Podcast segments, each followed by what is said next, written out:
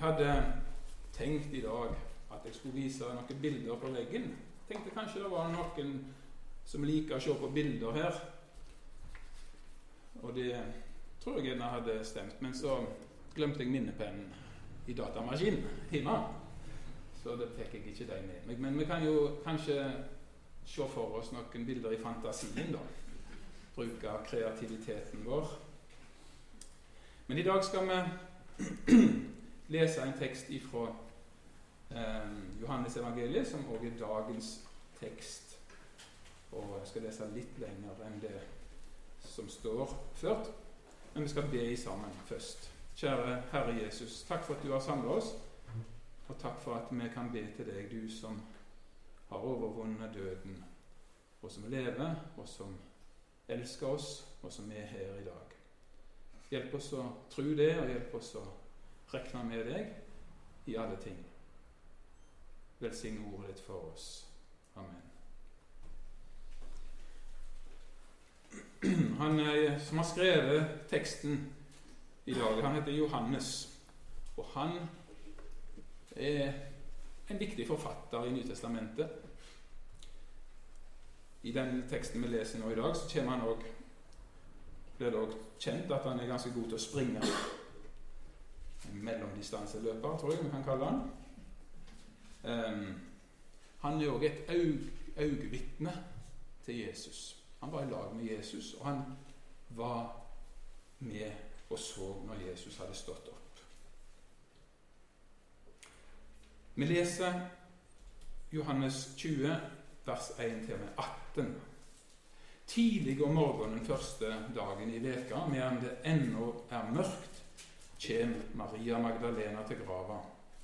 Da får hun se at steinen er tatt bort fra grava.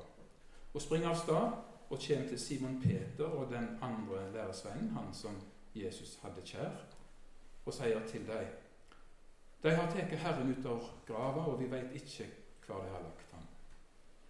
Da tok Peter og den andre læresvennen ut og kom til grava. De sprang sammen, men den andre læresvennen sprang fortere enn Peter og kom først til grava.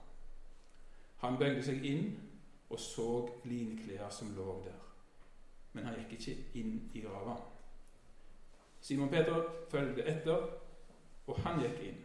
Han så linklær som lå der, og duken som Jesus hadde hatt over hodet. Den lå ikke sammen med linklær, men sammenrulla på en stav for seg. Da gikk den andre deres venn òg inn, han som var kommet først fram til grava. Han så og trodde, for enda hadde de ikke skjøna det Skrifta sier, at han måtte stå opp for de døde. Så gikk læresvennene hjem. Men Maria sto utenfor ved grava og gret. Som hun gråtende bøyde seg fram og så inn i grava, fikk hun øye på to hvitkledde engler som satt der Jesu kropp hadde lege. En ved hovedet og en ved føttene. Hvorfor gret du, kvinne? spurte de. Hun svarer, de har tatt bort Herren min, og jeg veit ikke hvor de har lagt ham. Da hadde sagt dette, snudde hun seg og så Jesus stå der. Men hun skjønner ikke at det var han. Hvorfor gret du, kvinne? spør Jesus. Hvem leter du etter? Hun tenkte det var gartneren og sa til ham, Herre, er det du som har tatt ham bort, så si meg hvor du har lagt ham, så jeg kan ta ham med meg. Maria, sier Jesus. Da snur hun seg til ham og sier på hebraisk, Rabuni, det betyr meister.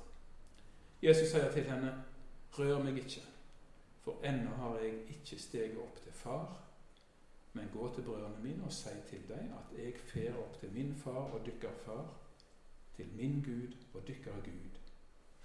Da gikk Maria Magdalena til deres vennene og sa til dem, 'Jeg har sett Herren.'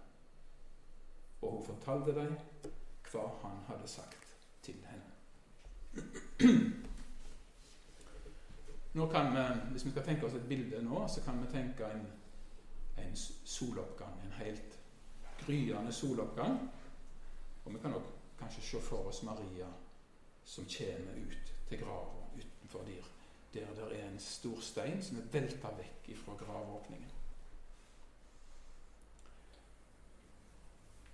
Det har det, det, er natt. Det står at Maria hun gikk til grava mens det ennå var mørkt. Hun kunne nesten ikke vente, fordi at det var, hadde holdt seg i flere dager nå, helt siden fredagen.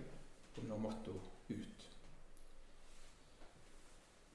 Det kan, vi kan tenke at det har vært en natt for, for både Maria og de andre læresveinene.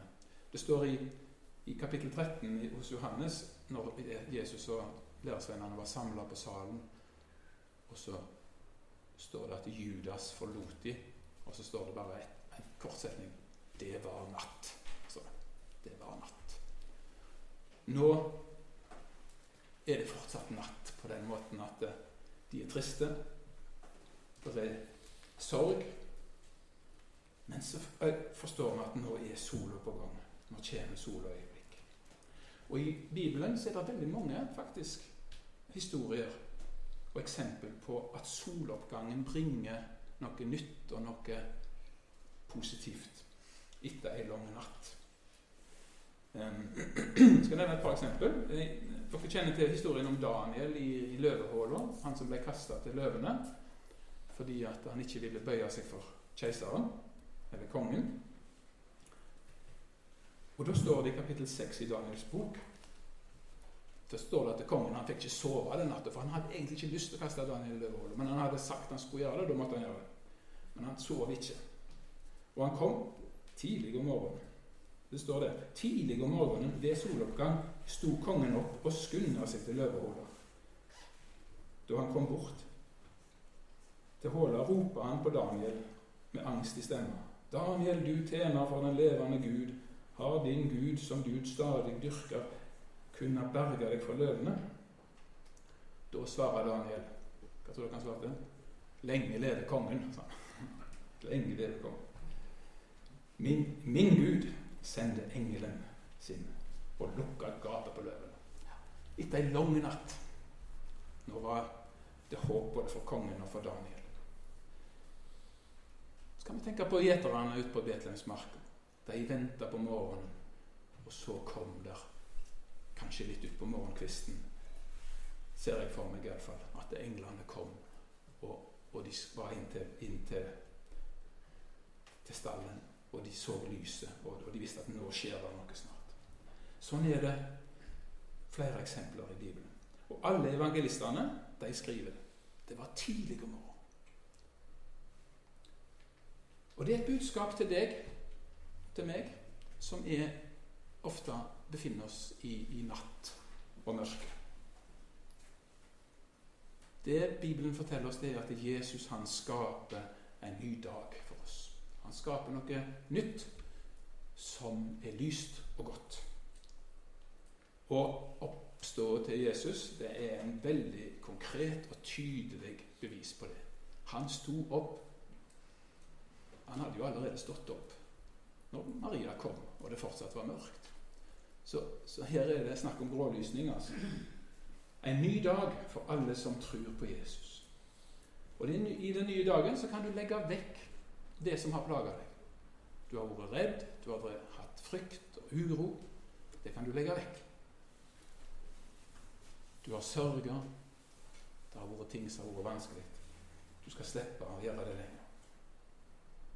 Merk dere hva, hva Jesus sier til, til, til Maria. Hvorfor gret du, kvinne? Klart hun gråt. Var det jo mista han hun var glad i. Det var Døden hadde ramma så hardt og så ubarmhjertig. Hvorfor gråter du? Du trenger ikke gråte lenger. Det er det som er budskapet. Det kommer en dag nå. Natta er over. For um, fire år siden, første påskedag i 2018, da var Kjell og jeg i Beijing eh, på ferie. og da var vi på ei gudstjeneste i kirka som heter Sion. Der Det var en fantastisk opplevelse å få være med der. Litt mer folk enn her. Det var, tenker de var rundt 100 stykker, eller kanskje litt mer.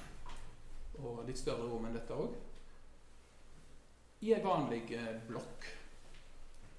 Og, og, vi snakket litt med de etterpå, eh, og, og, de sa det at eh, da var myndighetene fulgte med. de var ikke fri. De, de, de, kunne ikke gjøre hva de ville, for de, fulgte med på hva de holdt på med. Hadde spioner ute. Et par uker etter vi var kommet hjem, så, så leste vi at at nå var den kirka stengt. De hadde fått beskjed om å flytte. Sagt opp av, av, av husverten.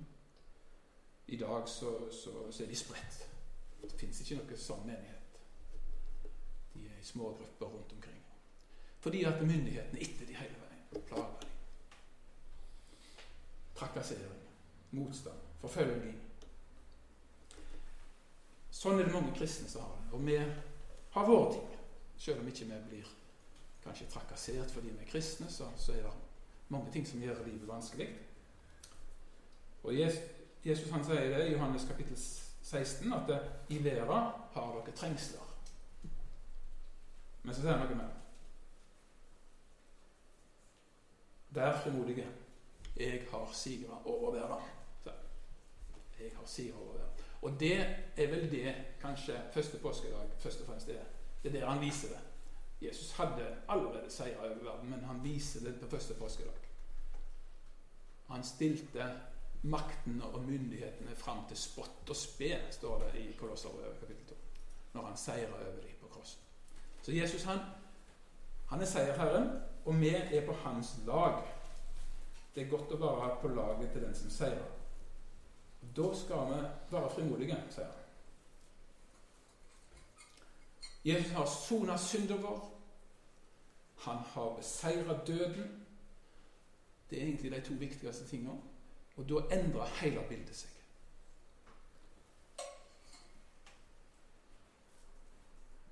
Vi trenger egentlig ikke å,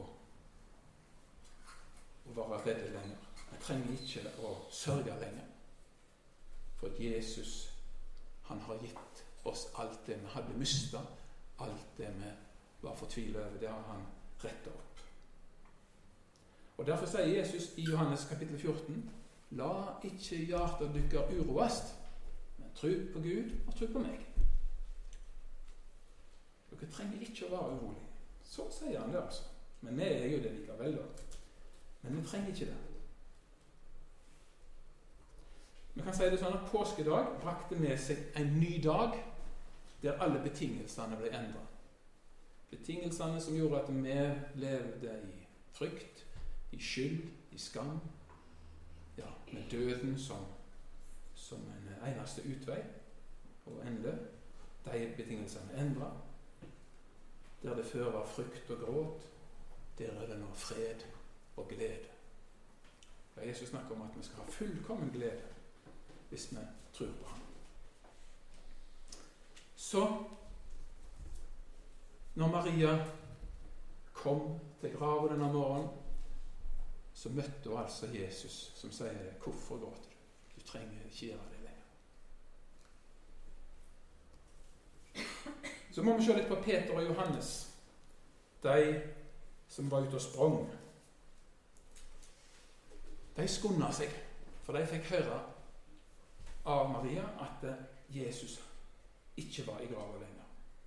Og da hadde de et kappløp ut, det som Johannes vant. Men når Johannes kom fram, så gikk ikke han inn i graven, men Peter gikk inn. Så Det sier litt om disse typene. Peter kom hesebløsende etter, og rett inn. Og så kom Johannes etterpå.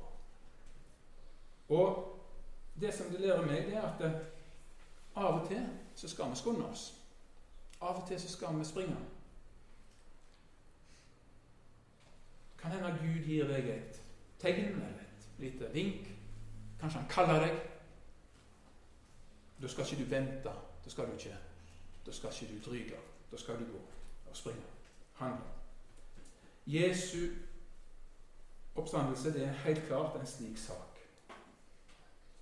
Vi må finne ut hva betyr det at Jesus sto opp fra de døde. Hva betyr det for meg? Hva betyr det for verden? Hva betyr det for oss alle? Det, må vi, eller det spørsmålet må vi finne svar på. Mange de velger å la tvilen for rom. Sånn om tvil her i stad, og det er ikke unaturlig å ha tvil, men vi må ikke la tvilen få rom. Det er ikke den vi skal degge for. Noen de legger bare dette påskemysteriet i ei skuff for uløste gåter. Bryr seg ikke med å finne ut hva betyr dette. Bruker lite krefter på det. Og dersom det var slik at Jesus ikke sto opp, så var, det, var, var ikke det så dumt, kanskje, å bare legge det i skuff. Da er det ikke noe å bruke krefter på, faktisk. Men dersom Jesus har stått opp, så er det så stort og så grensesprengende viktig at alt annet blir uvesentlig.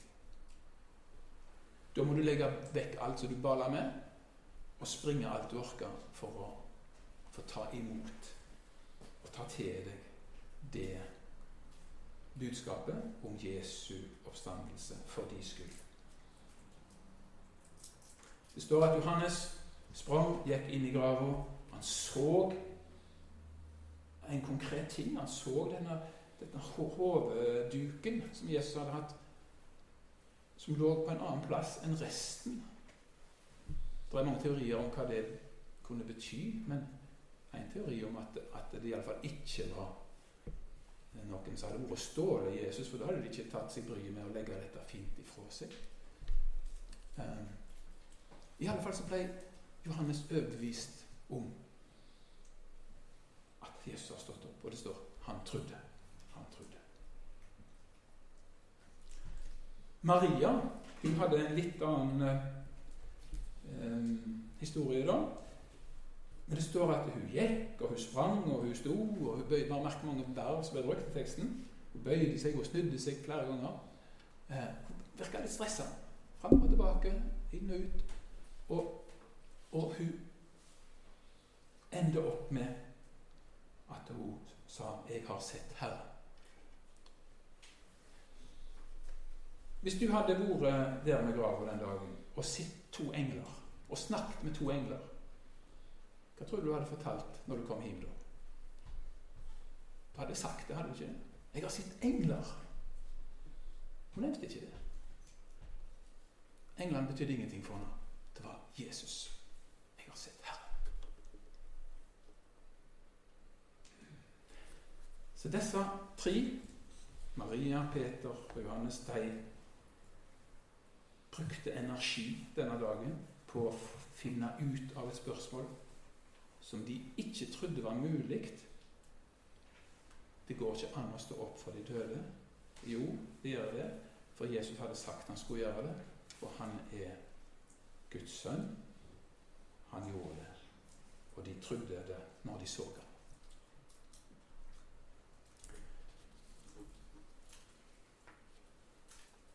Ja, det, det, andre bildet det var, det var, egentlig av de to som sprang. Peter og Johannes. Og det tredje bildet Da tror jeg vi kan ta, se for oss Bibelen, rett og slett.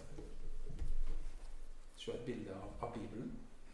Og det jeg ville si da, det er at det er jo disse som vi leser om nå, som har skrevet mye av det som står i Bibelen. da. Peter og Johannes, blant annet. Og De første dagene etter at Jesus sto opp, så, så, kan vi lese at de var veldig forvirra. De, de, de, noen tvilte. Sant? Vi har hørt om Thomas. Han sa at 'dette tror jeg ikke før jeg får se det'. Og de, de hadde mange reaksjoner. da. Men etter hvert så, så forsto de, og de trodde, og de fikk fordøye det. Og Peter han skrev noen år senere, i første Peters brev, et vers som vi har hørt mange ganger, de fleste av oss iallfall, i kapittel 1, vers 3. Lova være Gud, vår Herre Jesu Kristi Far, Han som i si store miskunn har født oss på nytt til ei levende bon ved Jesu Kristi oppståe fra de døde. Jesu oppstår fra de døde, sier Peter, det gir oss ei levende von, vi som har fått tatt imot Jesus og er blitt født på ny. Oppstandelsen, den er reell, og den eh, er utrolig avgjørende. Og Derfor så sier Peter også i vers 6.: Derfor kan det juble av glede, selv om det nå en liten stund om så må være, har det tungt i mange slags prøvinger. Du kan juble av glede midt oppi prøvelsene, midt oppi vanskene. Jeg vet dere har det tungt, det betyr faktisk så lite i den store sammenhengen. Uh, en som ikke var til stede på første påskedag, det var Paulus. Vi vet ikke om han var i Jerusalem i påsken da en gang. Uh, Iallfall ikke som jeg har hørt om. Men han møtte jo Jesus senere i et syn. Og han har også satt ord på hva Jesu oppstår betyr. Veldig kjente vers fra 1. Eh, Korinterbrev, kapittel 15. Der sier jo han f.eks. i vers 20.: Men nå er Kristus oppstanden for de døde. Hvis noen skulle være i tvil. Han er det faktisk. Det er mange som sett han sånn. Sjøl hadde han ikke sett han uh, sånn den gangen, men han, men han hadde møtt han seinere. Og så sier Paulus videre i vers 54 i 1. Korinterbrev 15 Der sier han det slik at døden er slukt og sigeren vunnen. Død, hvar er din brodd? Død, hvar er din siger? Brodden i døden er synda, og krafta i synda er lova. Men Gud være takk som gir oss siger ved vår Herre Jesus Kristus. Så han snakker om denne seieren som Jesus har vunnet. Døden er beseira. Det har Paulus skrevet mye om, og han er helt klar på det. Det er ingenting sier han, som kan rikke med det. Han sier en plass at jeg er sikker på at verken død eller liv eller engler eller krefter eller noen makt kan gjøre noe her og skille meg fra Guds kjærlighet i Kristus Jesus. Og Den siste som jeg vil ta med, det er Johannes, som vi jo har snakket om. Han som var så god springer. Han sier i 1. Johannes brev, kapittel 3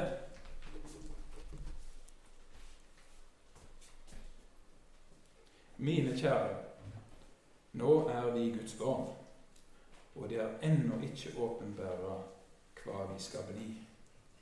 Vi veit at når Han åpenbærer seg, skal vi bli like Han, for vi skal se Han som Han. Vi vet at når Jesus hadde stått opp, så var han litt forandra. Han var, De kjente han ikke igjen med det samme, men så kjente de han likevel.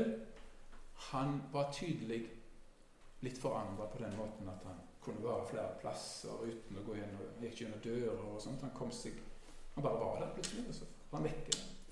En ny, en ny kropp. Paulus kaller det for en åndelig kropp, og ikke en lekende kropp.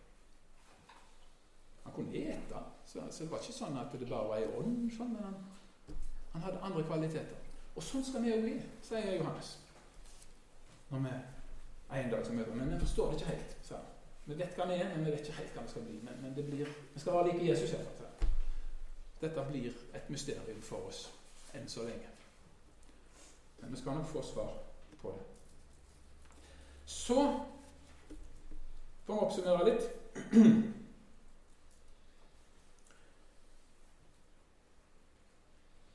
Det kristne håpet det er altså uløselig knytta til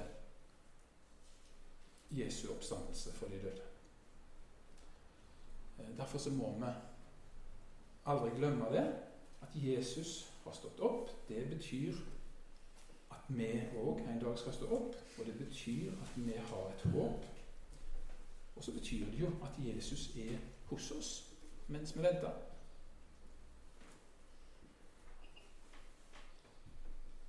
Påskebudskapet det er et budskap om seier. Seier over død, over alt vondt. Det er et budskap om glede. Det er et budskap som gir oss mot og kraft i en vanskelig verden. Paulus han snakker om krafta i hans oppståelse. Så det er kraft som ligger der, som, som vi òg får del i da, når vi er nær Jesus. Og så er det altså et håpsbudskap Et levende håp, som Peter sier. Så kan vi spørre, da Kan moderne mennesker i 2022 tro på det som Johannes dokumenterer her da, i sitt evangelium? Går det an å tro det og på en måte ta det for sant? Mange vil nok spørre sånn. Kan vi tro Magdalena, Maria Magdalena på ordet når hun sier 'Jeg har sett Herren'? Er det, var det faktisk det hun gjorde? Eller var, hun, var det et syn hun hadde? Kan vi tro dette og bli regna som fornuftige mennesker i dag? Ja, vi kan det. Vi kan tro det og være fornuftige mennesker. Vi kan ikke forklare hvordan det skjedde at Jesus sto opp.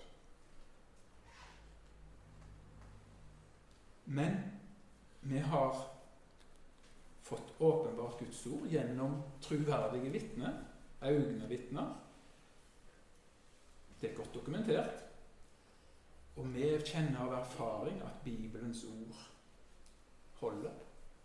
At det stemmer med våre egne erfaringer. At de første vitnene snakket sant. Det er i hvert fall mitt klare, min klare overbevisning. Vi forstår ikke rekkevidden av Jesu oppstandelse. Vi forstår ikke hvor mye det betyr. Det, det kommer gradvis mer og mer. Forstår mer og mer, kanskje, til lenger vi lever. Eller mindre og mindre. jeg vet ikke. Vi forstår det iallfall ikke. Men vi vet noe om at det forandrer liv at dette budskapet er kraftig og kan gi oss nytt mot og gi oss håp. Ja, forvandle hele livet. Det er mitt budskap og min, min erfaring.